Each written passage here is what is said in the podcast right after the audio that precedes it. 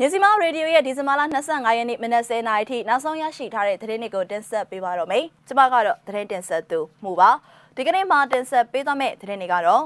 ဖားကက်မြေပြိုမှုကနေရုပ်အလောင်းနှစ်လောင်းထပ်တွေ့တဲ့သတင်း။တာဂက်တာမြို့နယ်သူမနလမ်းမှာရှိတဲ့မြို့နယ်တရားရုံးမှာပောက်ကွဲမှုဖြစ်တဲ့သတင်း။ငွေရည်ပလဲကုမ္ပဏီရဲ့ထုတ်ကုန်များမတုံးဆွဲကြဖို့ရှမ်းလူမှုအဖွဲ့အစည်းများတောင်းဆိုတဲ့သတင်း။ Texas ပြည်နယ်က Exxon Mobile စက်ရုံမီးလောင်ပြီးလူလေးဦးဒဏ်ရာရတဲ့တဲ့အဆရှိတဲ့တဲ့တွေကိုတင်ဆက်ပေးသွားမှာပါ။ဦးဆောင်တဲ့အနေနဲ့ဖားကက်မြေပြိုမှုကနေရုပ်အလောင်းနှလောင်းထပ်တွေ့တဲ့တဲ့ကိုတင်ဆက်ပေးကြပါမယ်။ ကချင်ပြည်နယ်ဖားကက်မြို့နယ်တာယာကုန်းကျေးရွာအနီးစိန်စိန်လောက်ကအတွင်းဒီဇင်ဘာလ22ရက်နေ့ကစွန့်ပစ်မြေစာပုံပြိုကျမှုဖြစ်စဉ်ကနေနောက်ထပ်ရုပ်အလောင်းနှလောင်းကိုဒီဇင်ဘာလ24ရက်နေ့မှာထပ်မံရှာဖွေတွေ့ရှိခဲ့တယ်လို့ကယ်ဆယ်ရေးဆောင်ရွက်နေတဲ့မြန်မာလူမှုကယ်ဆယ်ရေးအသင်းဖားကက်ကတာဝန်ရှိသူကိုချက်က BBC ကိုပြောကြောင်းသိရပါတယ်။ဒီကနေ့မနက်၈နာရီကအမျိုးသားတလောင်းညနေ2နာရီလောက်မှာနောက်ထပ်အမျိုးသားတလောင်းကိုထပ်ပြီးတော့တွေ့တယ်။ကယ်ဆယ်ရေးလုပ်ငန်းတွေကတော့ဆက်လုံးမှာဖြစ်ပေမဲ့အခု3ရက်ပြည့်ပြီဆိုတော့ရင်ငုပ်ရှာဖွေတာတွေကိုရှက်လိုက်ပါပြီ။မနေ့ဖြန်မှာတော့4ရက်မြောက်ဖြစ်ပြီဆိုတော့ပုံမှန်ဆိုရင်ရုပ်အလောင်းတွေကရေပေါ်ပြန်ပြီးတော့ပေါ်လာတတ်ပါပြီ။ဒါကြောင့်မနေ့ဖြန်တော့လှင်းနဲ့ဆောင်ပြီးပြန်ပေါ်လာနိုင်တဲ့ရုပ်အလောင်းတွေဆယ်ယူဖို့ရှိပါတယ်လို့ကိုချက်ကပြောပါတယ်။အဲ့ဒီမြေစာပုံပြိုကျမှုကနေမနေ့ကအထိရုပ်အလောင်းစုစုပေါင်း6လောင်းထိရရှိထားပြီပဲဖြစ်ပါတယ်။ မြေစာပုံဟာဒီဇင်ဘာလ22ရက်နေ့မနက်4နာရီခန့်မှာပြိုကျခဲ့တာဖြစ်ပြီးတော့မြေပြိုချိန်မှာအဲ့ဒီအနီးတစ်ဝိုက်ရေမဆေးကြောင့်ရှာဖွေသူတွေနဲ့ဈေးတဲ့တချို့အပါအဝင်စုစုပေါင်းလူအယောက်80ခန့်ရှိကြောင်းနဲ့လူ15ယောက်ခန့်ဟာမြေပြိုတဲ့အရှိန်ကြောင့်လွင့်စင်သွားကြောင်းဒါပေမဲ့ကြီးကြီးမားမားထိခိုက်ဒဏ်ရာရတာတော့မရှိကြောင်းနဲ့နွကန်ထဲကိုပြုတ်ကျသွားတဲ့သူတွေကတော့ခံမှန်းကြီးအယောက်90လောက်ရှိကြောင်းမျက်မြင်တွေ့သူကပြောကြားထားပါတယ်။မြေပြိုကျတဲ့အထက်ပါသွားတဲ့သူတွေကိုဖားကတ်နဲ့လုံငင်ကကဲစိတ်အဖွဲ့6ဖွဲ့ကနေလူအင်အားတရာကျော်နဲ့ပူးပေါင်းရှာဖွေခဲ့ပြီးတော့ရာသီဥတုအေးလွန်တာအောက်ဆီဂျင်မလုံလောက်တာနဲ့နွန်ကန်ရဲ့ရေကနောက်ကျလွန်တာကြောင့်ကဲစိတ်ရေးမှာအခက်အခဲတွေရှိခဲ့တယ်လို့ကဲစိတ်ရေးဆောင်ရွက်သူတွေကပြောပါတယ်ရှင်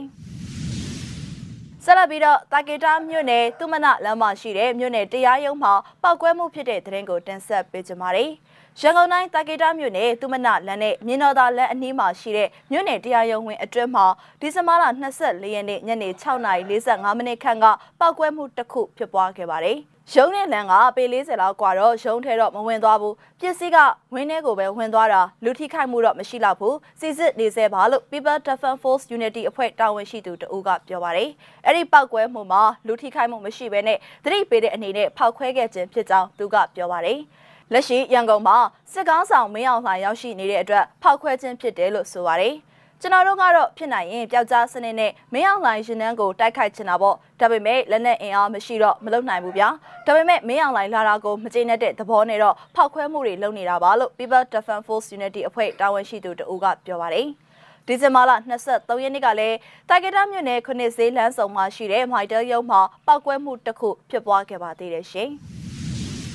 ဆက်လက်ပြီးတော့ငွေရပလဲကုမ္ပဏီရဲ့ထုတ်ကုန်တွေကိုမသုံးစွဲကြဖို့ရှမ်းလူမှုအဖွဲ့အစည်းတွေတောင်းဆိုတဲ့တဲ့ကိုတင်ဆက်ပေးကြပါမယ်။ရှမ်းပြည်နယ်မြောက်ပိုင်းတီဘောမြို့နယ်နမကျေးရွာမှာဆီယနာသိမ်းမှုကိုအကြောင်းပြပြီးတော့ကြောင်မီသွေးတူးဖော်မှုတွေတိုးချဲ့ဆောင်ရွက်နေတဲ့မန္တလေးမြို့အခြေဆိုင်ငွေရပလဲကုမ္ပဏီကိုတပိတ်မှောက်တဲ့အနေနဲ့သူတို့ရဲ့ထုတ်ကုန်တွေဖြစ်တဲ့ Crown Billet မြင်နဲ့စင်းရွှေလီတကြားတို့ကိုမသုံးစွဲဖို့ရှမ်းအရက်ဖက်လူမှုအဖွဲ့အစည်းတွေကတောင်းဆိုလိုက်ပါတယ်။ ရှမ်းလူမှုအဖွဲ့အစည်းတွေဖြစ်ကြတဲ့ရှမ်းလူခွင့်ရေးမှန်တိုင်း SHRF ရှမ်းကျောင်းသားသမဂ္ဂ TSU နဲ့ရန်ကုန်ရှမ်းလူငယ်အဖွဲ့ TYY တို့ကအဲ့ဒီလိုတပိတ်မှောက်ဖို့တောင်းဆိုခဲ့ခြင်းပဲဖြစ်ပါတယ်။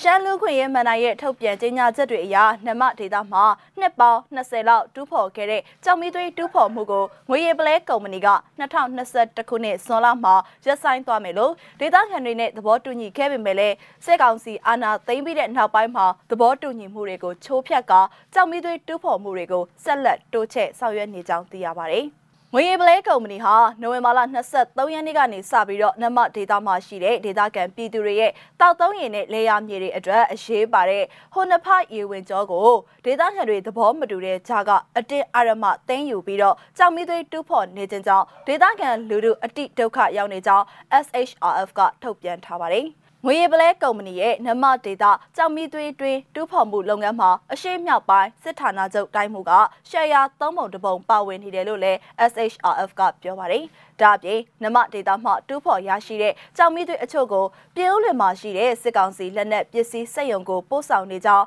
တွားရောက်ပို့ဆောင်ဖို့တဲ့ရမောင်းတွေထံကနေသိရပါတယ်ရှင်။ နောက်ဆုံးသတင်းအနေနဲ့ Texas ပြည်နယ်က Exxon Mobil စက်ရုံမီးလောင်ပြီးလူလေးဦးဒဏ်ရာရတဲ့သတင်းကိုတင်ဆက်ပေးကြပါမယ်။သတင်းပြေဆုံးကိုတော့ရုပ်သံဖိုင်မှာရှုစားကြည့်ပါအောင်ရှင်။ဒီဇင်ဘာလ23ရက်ကြာသပတေးနေ့ကအမေရိကန်နိုင်ငံတက်ဆစ်ပြည်နယ်က Exxon Mobil စက်ရုံမှာမီးလောင်မှုဖြစ်ပွားခဲ့တဲ့အတွက်လူလေးဦးထိခိုက်ဒဏ်ရာရရှိပြီးပမာဏကြီးမားတဲ့လုပ်ငန်းခွင်ဆိုင်ရာမတော်တဆမှုဖြစ်ကြောင်းရဲတပ်ဖွဲ့ကဆိုပါတယ်။ သုံးဦးကိုလေကြောင်းနဲ့ကြံတူဦးကိုလူနာတင်ကားနဲ့စေယုံကိုပို့ဆောင်ပေးခဲ့ရကြောင်းလူအသေးပြောက်မရှိကြောင်း Twitter စာမျက်နှာပေါ်မှာတင်ထားတဲ့ရဲတပ်ဖွဲ့ထုတ်ပြန်ချက်အရသိရှိရပါတယ်။အဆိုပါစက်ယုံကနေမိโกလုံးတွေထိုးတက်နေပြီးစက်ယုံရှိမှာအရေးပေါ်လူနာတင်ရင်တွေအသင့်ဆောင်ဆိုင်နေတာကိုတွေ့မြင်ရပါတယ်။ဘေးတောင်မြို့က၎င်းဆက်ယုံမှာမနက်တနာရီကမီးစတင်လောင်ကျွမ်းခဲ့ပြီးအရေးပေါ်အခြေအနေတုံ့ပြန်ရေးဝန်ထမ်းတွေကမီးကိုစူးစမ်းနှိမ်သက်ခဲ့တယ်လို့စက်ယုံပိုင်းကုမ္ပဏီကပြောပါတယ်။၎ င်းတို့အနေနဲ့လေတုအည်သွေးစစ်ဆေးမှုတွေဆက်လက်လှုပ်ဆောင်ခဲ့ပေမဲ့ထူးခြားတဲ့လက္ခဏာတွေမတွေ့ခဲ့ရဘူးလို့ဆက်ပြောပါတယ်။ဒီဖြစ်စဉ်အပေါ်တစုံတရာမှတ်ချက်ပေးဖို့ AFP သတင်းဌာနကတောင်းဆိုခဲ့ပေမဲ့ဒေတာရင်းအာဏာပိုင်တွေကလက်တလောတုံ့ပြန်လာခြင်းမရှိသေးကြောင်းသိရှိရပါတယ်။ညစီမရေဒီယိုရဲ့ဒီဇင်ဘာလ25ရက်နေ့မနက်10:00နာရီထိနောက်ဆုံးရရှိထားတဲ့သတင်းတွေကိုတင်ဆက်ပေးခဲ့တာပါ။နားဆင်ပေးခဲ့တဲ့အတွက်ကျေးဇူးတင်ပါတယ်ရှင်။